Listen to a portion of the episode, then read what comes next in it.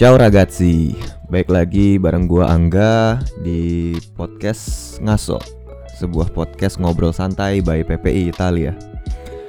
Eh kali ini temanya berbeda seperti dari yang biasanya, Eh karena satu gua males bahas covid covid lagi, dua kita cobalah tema yang lebih ke PPI Italiaan.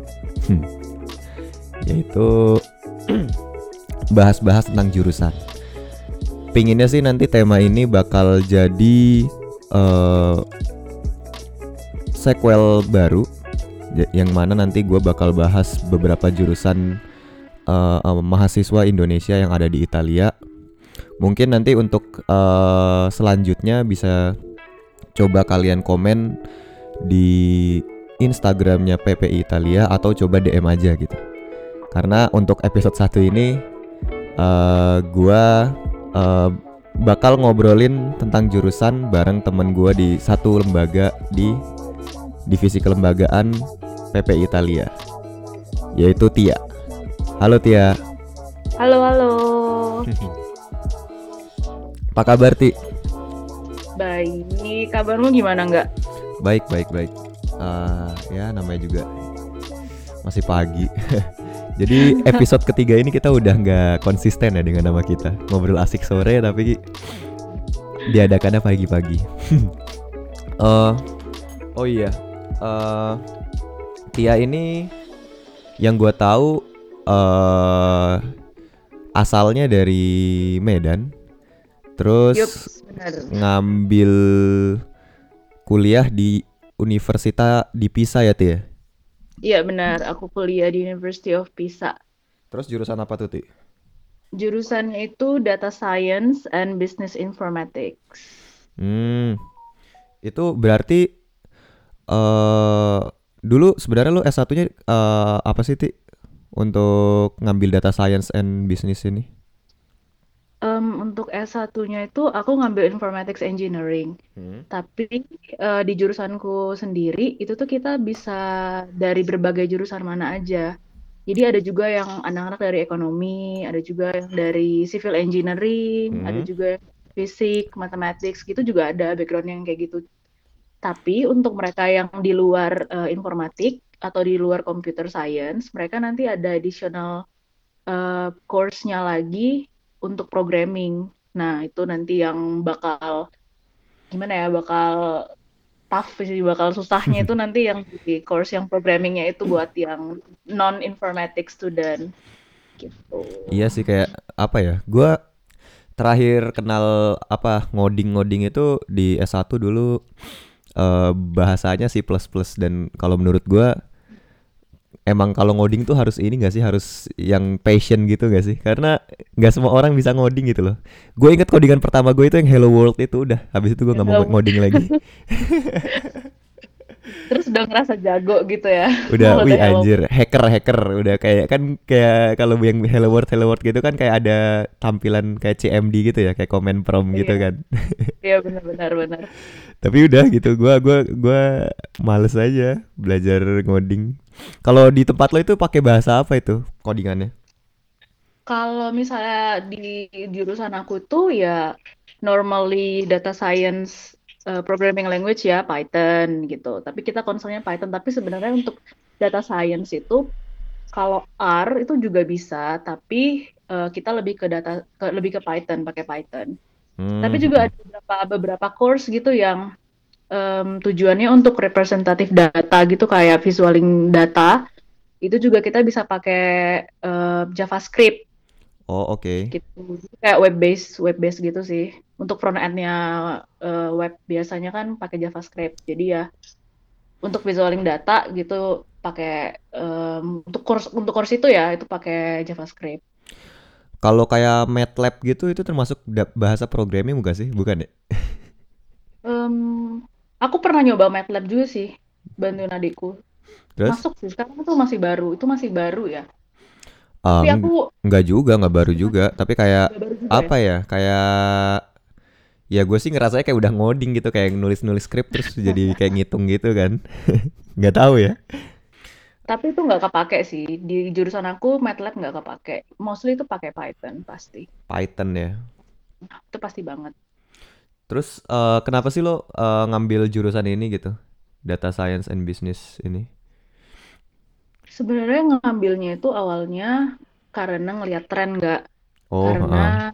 eh, karena kan sekarang itu kan eh, data itu data processing tuh bener-bener lagi tren banget ya.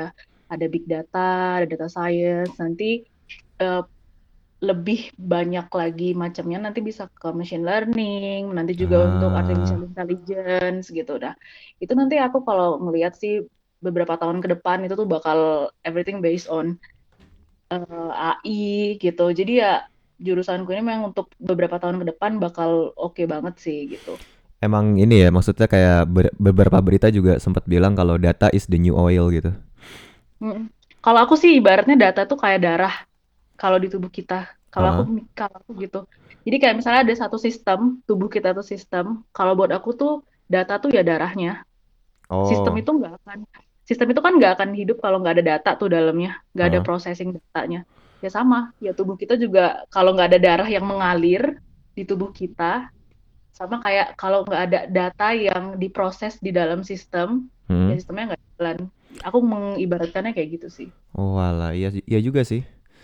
Dan apa ya? Ya benar kata lu juga kayak emang trennya sekarang mah data apa-apa data Mm, gitu. Apa-apa orang bikin startup dan startup kan pasti biasanya kebanyakan basisnya itu internet ya, Internet of Things. Terus eh ya kayak yang kita tahu juga kayak banyak unicorn-unicorn di mm. Indonesia kan emang basisnya data gitu. Iya. Dan juga kenapa kenapa aku ngambil jurusanku ini karena dia kombinasi program gitu nggak. Nah dia kan programku ini tuh ada empat empat apa ya empat konsentrasi yang yang benar-benar interesting untuk diikutin. Yang Hmm. pertama itu eh, pastinya data science itu sendiri, data processing itu sendiri. Hah? Terus ada juga singgungannya ke computer science. Nah, dan juga karena ada business informatics-nya, jadi ada singgungannya juga ke business management. Hmm. Terus juga ada singgungannya ke mathematics gitu. Nah, kalau aku ambil ke data science-nya udah pasti ya, itu pasti pembo- pembobotannya itu paling gede. Nah, aku tuh lebih banyak ambil ke data science-nya, ke business business marketing-nya, business manajemennya, dan juga ke computer science-nya. Kalau mathematics-nya aku nggak sama sekali nggak ngambil karena Hmm. hmm. memang background aku kan sebenarnya bukan bukan S1, aku kan D4 ya, jadi lebih lebih Oh, praktikal heeh, heeh. gitu. Sarjana terapan ya. Mm-mm, jadi lebih praktikal dan em, kayak untuk matematik base-nya itu juga nggak terlalu strong kan, jadi ya udah deh nggak usah diambil kayak gitu. Daripada apalagi matematik di sini kan susah banget, jadi Iya iya bener. Kerasa jadi sih. nggak. Terus eh, kenapa sih eh lo pilih ini eh, University of Pisa? Kenapa apa apa emang yang disediakan di apa em, apa apa, apa emang yang di Italia itu yang menyediakan jurusan itu cuma di situ atau emang lo pengen ke Pisa atau gimana kemarin tuh? Nah, jadi sebenarnya proses aku untuk pilih PISA itu agak-agak lucu sebenarnya. Bukan lucu sih, prosesnya nggak tahu cepet gitu. Ah. Nah, jadi itu kan sebenarnya aku daftar kampus itu satu minggu sebelum penutupan beasiswa Maici. Nah, jadi kan kebetulan aku tuh dapat beasiswanya Maici ya. Hah. Nah, jadi satu satu minggu sebelum penutupan. Nah, Maici itu kan tutupnya akhir April. Hmm, hmm, hmm. Nah, itu kita tuh harus em, ngasih info ke universitas mana yang kita udah apply. Kayak gitu. Oh Nah, oke. itu ada tiga pilihan, ada tiga pilihan di Maici. Terus aku eh, bingung dong, aduh aku belum ada belum ada apply ke mana-mana nih, gimana jadinya? Tinggal seminggu lagi gitu kan? Hmm, Terus ya udah aku carilah universitas yang masih buka saat itu. Yang hmm. masih buka itu di Sapienza sama di Pisa. Sebenarnya ada beberapa kampus lagi yang lain gitu, cuman karena mikirnya harus cepat, jadi udah deh ambil aja nih yang dua ini Sapienza sama Pisa. Jadi aku buat eh, pilihan pertama itu eh, Sapienza kalau nggak salah Sapienza baru yang keduanya Pisa Hmm, hmm, hmm. yang ketiga aku kosongin terus eh, di Sapienza tapi aku pilihnya itu computer science di Pisa aku ambilnya data science and business informatics ini Hmm, udah hmm, gitu apply apply Em, terus aku apply, akhirnya aku bisa apply si beasiswa si Maici ini. Kemudian aku belum dapat LOA-nya waktu aku apply si beasiswa Maici. Hmm. Belum dapat sama sekali. Jadi ya kayak udah ada, tapi melampirkan bukti bahwa aku sudah apply kayak gitu. Oh, oke. Nah, udah gitu, udah daftar.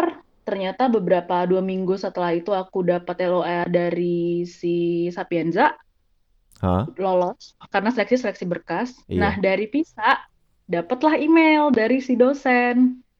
Tahu nggak nggak ngomongnya apa? Apa tuh? Dibilang begini, mohon maaf, em, dokumen yang kamu lampirkan kosong, boleh dikirim ulang nggak? Lah, Digituin. sakit banget. Ternyata saking aku buru-burunya, aku tuh salah attach dokumen. Hah? Terus ya udah dihubungin balik sama profesornya, terus aku eh, apa namanya kirim balik dokumennya ke profesor kayak gitu.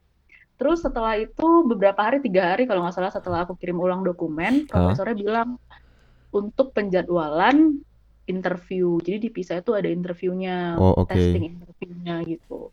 Penjadwalan interview untuk minggu depan, untuk minggu depannya kayak gitu. Jadi ya setelah itu aku interview, ditanya ada ditanya beberapa hal lah. Pertama itu motivational, kenapa pengen studi di sini dan segala macam. Iya. Terus setelah itu ditanya juga tentang technical skill lah dari analytical, database, coding test juga ada kayak Oh, gitu. oke.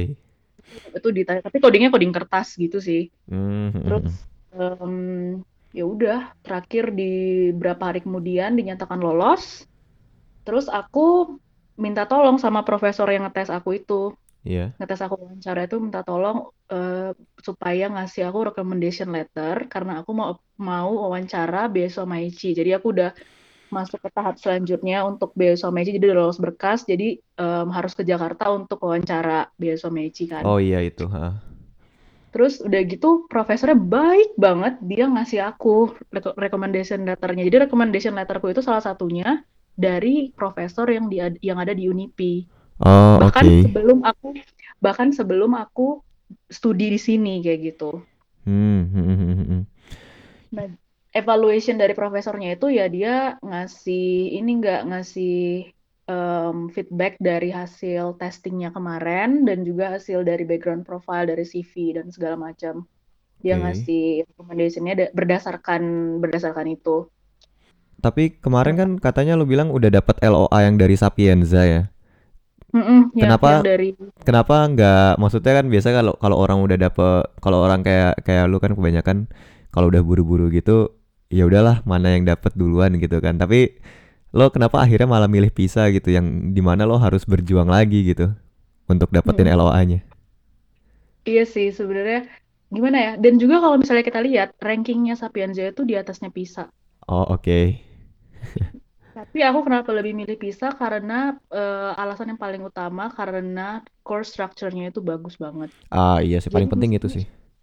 iya jadi paling penting itu. Jadi sebenarnya aku tuh asal ngelihat asal nyari-nyari kampus itu paling yang aku paling consider itu adalah core structure-nya. Itu Hmm. bener-bener yang mau atau enggak. Dan sebenarnya enggak, aku tuh nyari nyari jurusanku ini tuh udah nyari jurusan yang kayak gini ya, yang kombinasi kayak gini, yang ada beberapa program dalam satu program kayak gitu. Itu tuh udah dari udah dari akhir 2016. oh oke Jadi dari oke. akhir 2016 tuh aku cari-cari di mana-mana gitu. Dan yang memang dari awal aku pengen sesuatu yang related sama data, tapi ada singgungannya ke computer science, tapi juga ada aspek business manajemennya kayak gitu. Memang dari awal tuh pengennya yang kayak gitu gitu. Hmm, hmm, hmm, hmm. Cari di mana-mana tuh nggak ada. Ada yang mendekati tapi nggak se nggak spesifik kayak yang aku pengen kayak gitu. Pertama kali aku dapat LOA itu kan dari Leicester. Hmm, Programnya itu Data Analysis and Business In- Business Intelligence. hmm. Itu juga itu juga menarik banget. Terus juga dapat lagi programnya Software Engineering for Financial Service. Itu juga kombinasi kombinasi program dan dan em, fintech itu fin- financial technology itu kan lagi booming juga tuh. Jadi Iya sebenarnya bagus juga gitu. Dan lagi itu kombinasi. Dan Hmm. sebenarnya Italia itu eh, negara yang terakhir kali gitu loh aku lihat dan ternyata ketemu si Pisa ini di si University of Pisa ini kayak gitu. Yang bener-bener pas gitu ya, yang Yang tadi itu. bener-bener pas, yang bener-bener pas banget sama apa yang aku pengen. Iya sih soalnya tadi kamu bilang yang Sapienza kalau nggak salah computer science gitu ya. Ya udah berarti computer science aja gitu, gak ada kayak bisnisnya kayak Gak ada kombinasinya ah, kayak ah, gitu. ah.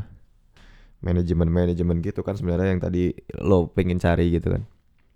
Mm-mm. Bener-bener. Terus kayak ini ti eh, tugas dan workload selama di situ gimana? Kalau tugas sih gimana ya? Tugas tuh nggak ada kita. Kita tuh nggak ada tugas. Sama. Emang di sini kadang-kadang suka nggak ada tugas yang gitu ya. penting Tugas cuman pilihan gitu nggak sih? Kalau kalau ada pun cuma pilihan gitu. Nggak ada sama sekali nggak ada Eh nggak. sumpah? Dosen nggak ada nggak ada ngasih tugas sama sekali. Beneran. Iya Yang ada emang. pokoknya, yang Heeh. ada pokoknya lulus ujian aja. Mau nggak masuk kelas juga nggak apa-apa. Yang penting lulus ujian aja. Emang ba- banyak ya maksudnya yang apa ya kampus-kampus di Italia tuh entah kenapa kok apa ya terlalu apa eh, result oriented gitu nggak sih kayak Bener-bener. Kalau kampus lo gimana? Itu ini juga apa sama sama eh, gue juga berarti nggak harus datang masuk kelas kan? nggak harus datang masuk kelas nggak ada absen Nggak ada cuman absen sama. eh, dan nggak ada tugas kalau ada tugas pun selalu jadi optional gitu loh bukan bukan kayak tugas yang mandatory gitu mungkin kalau untuk jurusan nanti kita mungkin coba bakal cari ini ya yang jurusan kayak arsitektur gitu kan pasti harus tugas ya kalau gitu tapi kalau kayak kalau kayak gua gitu nggak ada ti sama sekali maksudnya yang bener-bener mandatory untuk tugas itu nggak ada Itu antara antara dua sih jalannya. Bisa dibilang enak karena nggak ada tugas, tapi nanti pas ujiannya di situ baru. iya bobol gue juga ngerasanya kayak gitu kayak begitu udah tugas eh tugas itu kayak apa ya nyelamat harusnya kan nyelamatin nilai kita nggak sih harus ngelapin nilai eh, benar-benar benar. Cuman Ini jadi semuanya terpatok ke ujian semua Heeh, jadinya. dan jadinya profesor tuh gampang gitu kayak ngasih ngasih fail gitu kayak gampang aja gitu karena emang Benar-benar. patokannya cuman ujian. Ya benar, benar-benar benar banget itu. Memang kalau tugas tuh kalau di jurusan aku nggak ada nggak, tapi em, komponen untuk nilai akhir itu ada yang kita ada tiga biasanya. Hah? Jadi setiap course setiap course itu tuh em, pasti ada komponen oral, written, sama project. Nah, project ini aku nggak bisa mengkategorikan itu sebagai tugas Ah, karena oke. projectnya itu karena projectnya itu ya sekaligus dari awal mat- materi sampai akhir kayak gitu. Dan projectnya juga bisa terbilang gede. Project-project gede yang bener-bener result oriented, yang result orientednya juga kita harus research dulu, harus studi literatur dulu, baru baru kita develop, baru kita presentasikan kayak gitu. Jadi ya tetap ada eh, proses step-stepnya tetap ada. Makanya itu di situ juga salah satu yang yang berat dan butuh waktu sih sebenarnya. Dan memang rata-rata di courseku itu ya tiga komponen itu tuh em, wajib lah, wajib untuk dipenuhin. Hmm, hmm, hmm. Beratnya di situ sih. Berarti emang ya meskipun gak ada tugas ada project ya kamu ya? Ada project, tetap tetap ada project dan projectnya itu rata-rata sih sebulanan lah untuk ngerjainnya.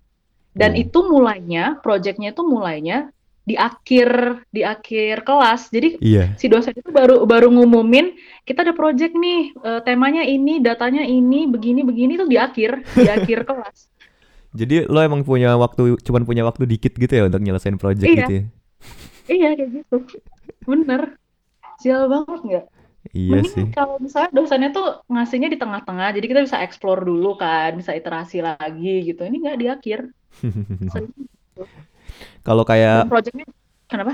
nggak nggak kalau kayak ini eh project yang menurut lo paling berkesan dulu selama lo sampai kuliah sekarang tuh apa? Ada nggak?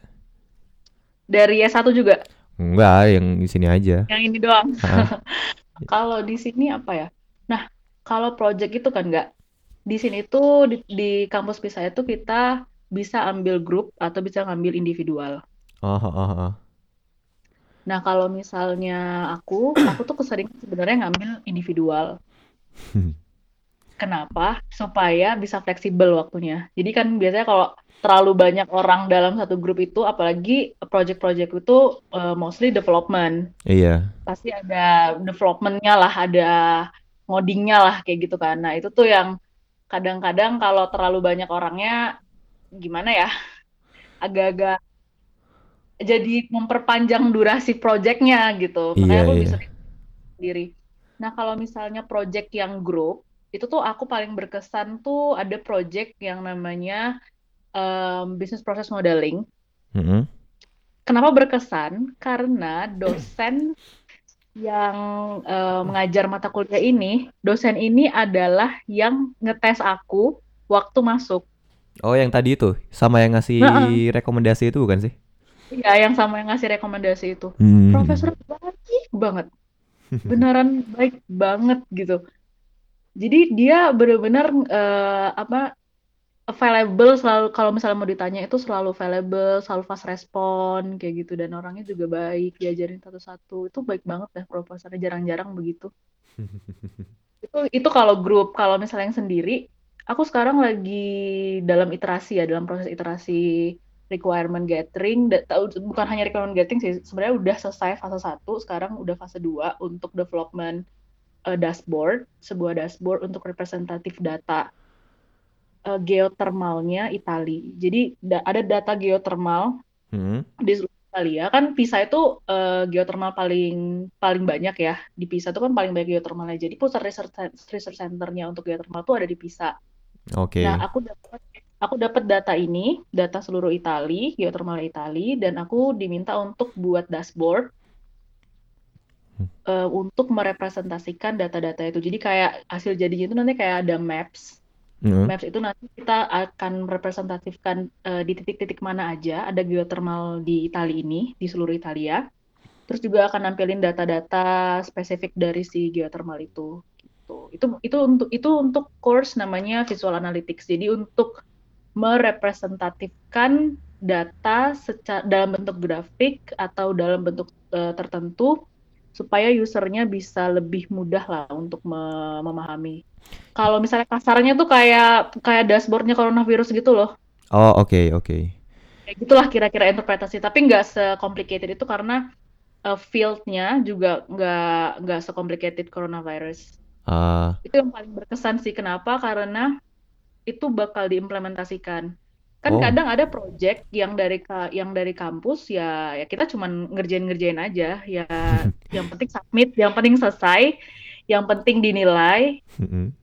penting eh, apa namanya yang penting dapat nilai aja gitu studennya nah kalau ini bener-bener dipakai sama bakal dipakai sama pusat research centernya bisa gitu kan sih sekarang tuh lagi fase 2 sekarang fase satunya kemarin udah selesai Jatuhnya kayak nanti outputnya itu kayak apa? Eh, heat map gitu bukan sih?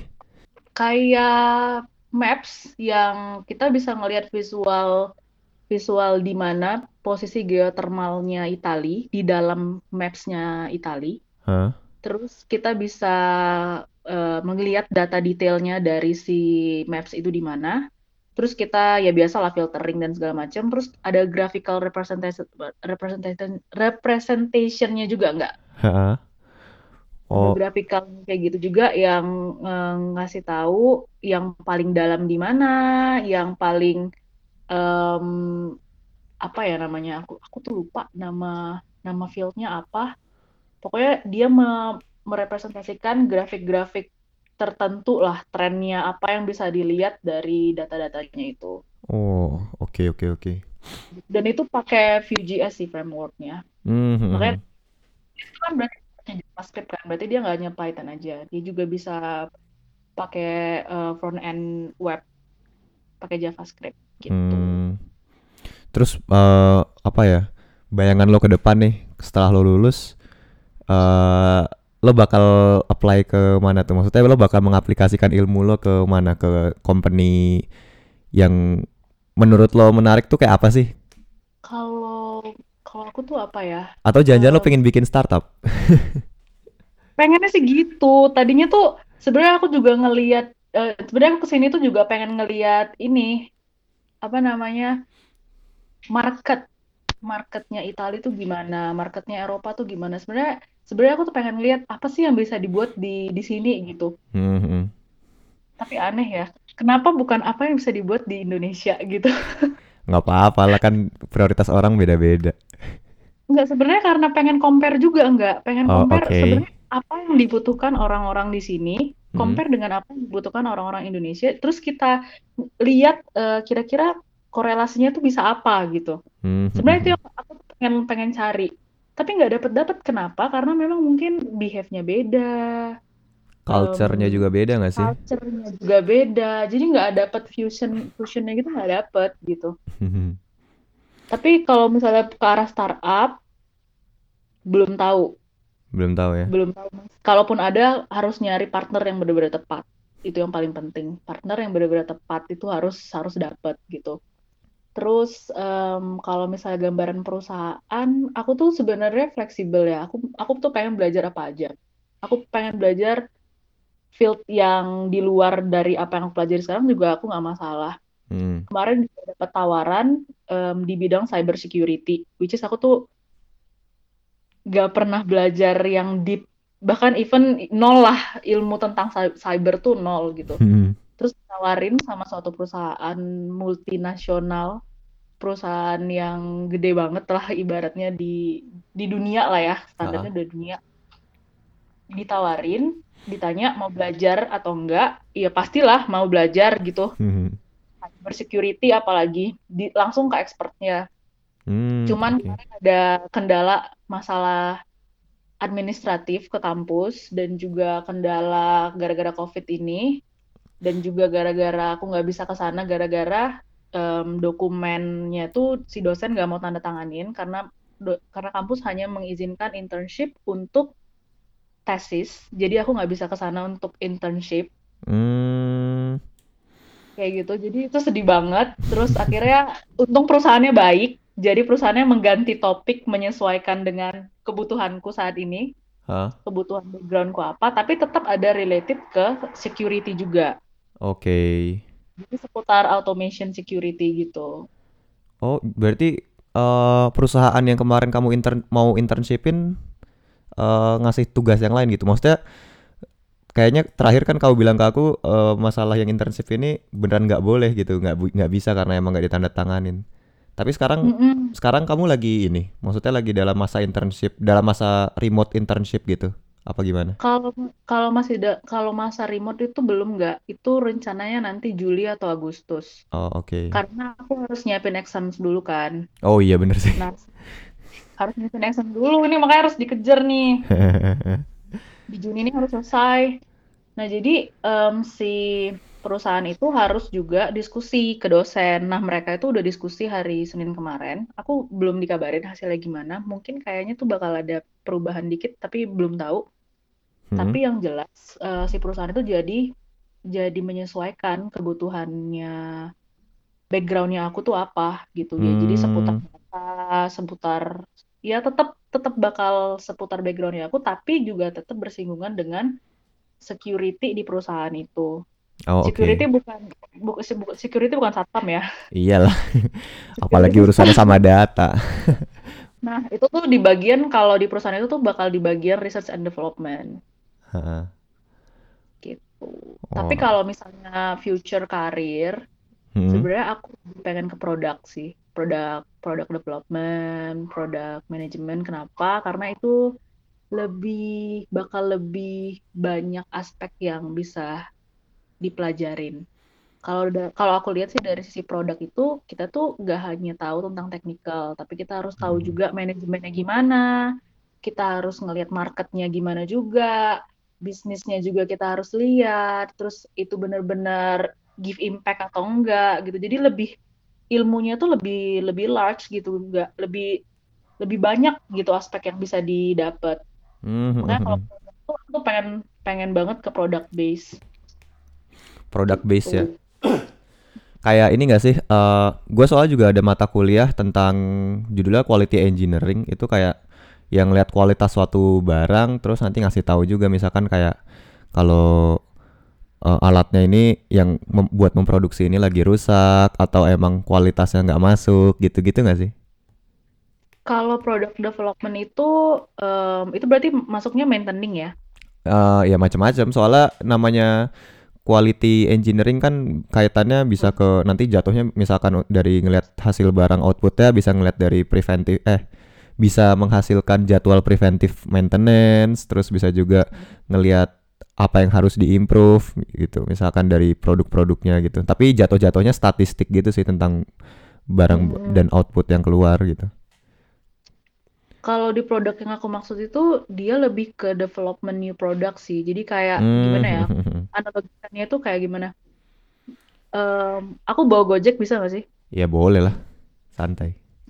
Nah, jadi misalnya tuh Gojek. Gojek itu kan pertama cuman cuman Gojek pakai motor kan. Iya iya. Terus kan ada produk baru tuh. Eh, terus kan ada produk lagi yang lainnya tuh. Hah? GoFood, GoMessage. Ah Nah, iya itu iya iya. produk-produk yang kayak kayak gitu nggak yang aku maksud. Jadi kayak development satu Pengembangan ya, pengembangan dari satu. pengembangan Nah, dari satu platform dia jadi punya beberapa sub aplikasi atau sub eh, fitur yang lain kayak gitu. Lebih Mhm. produk-produk ke situ sih sebenarnya. Iya sih. Bagus lah kayak gitu. Jadi kayak Kayak continuous development gitu nggak sih? Soalnya emang itu kunci dari startup dan perusahaan. Kalau nggak ada continuous improvement dan development kan mati udah perusahaan itu. Kalah bersaing. benar. Makanya kita harus ngeliat marketnya juga. Itu yang Mhm. penting. Iya, paling penting itu. Kebutuhan konsumen gitu ya, kira-kira apa yang bisa di-provide. Mm, Bener. Terus Marketnya dilihat. apa? Terus terus Nggak nggak terus. terus. Ya deh. Eh, untuk ini deh, eh, pertanyaan terakhir. Kalau misalkan kalau ada yang dengerin podcast ini dan pengen ngambil jurusan sama kayak lo, kira-kira apa ya? Yang yang mau lo sampein apa deh? Hmm, kalau mau ngambil jurusan yang sama itu pasti bagus banget Hmm. karena kayak yang aku bilang tadi tuh fieldnya itu beragam. Kombinasi, co- coba cari kombinasi-kombinasi program yang bersinggungan dengan field-field lain. Itu Hmm. bakal kepake banget. Karena ketika kita di perusahaan, kita kan nggak nggak dituntut hanya tahu teknikal, kita juga harus tahu manajemennya, kita juga harus tahu Iya. bisnisnya gimana, dan juga kan kita juga nggak akan mungkin statik di satu tempat, kita bakal Betul. improvement, improvement level, improvement skill juga. Jadi penting kalau buat aku sih tahu belajar formal informal, mau itu di kampus ataupun di luar kampus, belajar hal-hal yang berbeda. Hmm. Tuh. Jadi emang kuncinya adalah eh, lo mau ini, mau improve diri lo sendiri dari segi skill, hard skill dan soft skill. Juga ini Mm-mm. juga nggak sih kayak perbanyak koneksi gitu nggak sih? Iya benar, perbanyak koneksi itu salah satu. Karena kayak aku tuh attend kelas itu ya enggak Hah? selalu bermacam-macam, gak hanya sama anak data science saja, tapi juga sama anak Ah, ekonomi. Aku juga ngambil kelas di ekonomi, terus iya. juga sama anak computer science, juga eh, bareng sama mereka. Jadi rame gitu ya, ada di mana-mana aja. Dan skillnya Hmm. juga gara-gara bertemannya sama mereka, ya dapat ceritanya juga, sih dapat sharingnya juga dari mereka. Terus dapat misalnya ada event, workshop segala macam juga jadi lebih tahu kayak gitu. Iya. Jadi lebih dari juga juga jadi lebih improve kan. Iya. Ya pokoknya tetap eh kembangin skill-skill yang dipunya sama perbanyak koneksi intinya itu nggak sih? Benar benar benar. Oh. Tapi mau di mana pun mau di mana pun kampusnya ya, mau di mana pun eh, mau apa pun jurusannya, yang penting itu selalu ngelihat course-nya, tujuannya tujuannya itu ke kampus itu mau ngapain dan apa sesuai nggak dengan apa yang dimau. Hmm. Jangan nanti ada penyesalan atau gimana gitu. Kan gak enak juga. Iya, iya. Apalagi kalau udah S2 emang kadang-kadang yang paling dicari itu nggak sih? Kayak course course structure-nya tuh yang cocok sama kamu gimana gitu-gitu. Bener, Harus. karena itu itu bakal jadi pegangan kita kan sampai ke depannya kan karena S2 itu seharusnya lebih lebih apa ya? Lebih lebih spesifik dari yang S1 dari eh, ma- dari apa yang kita pelajari sebelumnya. Kalau kita pakai bakal selebihnya, bakal seterusnya bakal kita bakal kita pakai. Kalau kita mau ngambil PhD juga oh itu lebih spesifik lagi dari itu dan itu bakal jadi nyawa kita ibaratnya. Iya sih. Bener sih kalau udah PhD mah. Benar. Terus misalkan nanti kalau ada yang mau ini, Ti, ada yang mau nanya-nanya, bisa lewat mana nih ngontakin lo? Bisa dari Instagram, nggak masalah sih. Aku selalu fast respon seperti biasa, selalu menjawab semua pertanyaan apa pun dengan detail. Jadi aku seneng banget kalau ada yang nanya beneran. Mau nanya beasiswa, mau nanya program, mau nanya project, mau nanya apa pun pasti aku jawab. Instagram lo di mana? At Tiana Pitu. Tiana Pitu. Atau juga misalkan karena Tia ini kan juga apa ya anak PPI ya sama kayak gua. Di bisa juga lewat eh, DM Instagram PPI Italia. Nanti mungkin yang megang akun PPI Italianya bakal nge-forward pertanyaannya ke Tia. Gitu gak sih, Ti? Bisa bisa nggak masalah. Sip. Oke, kalau gitu di sini Angga dan Tia pamit. Grazie e buona serata.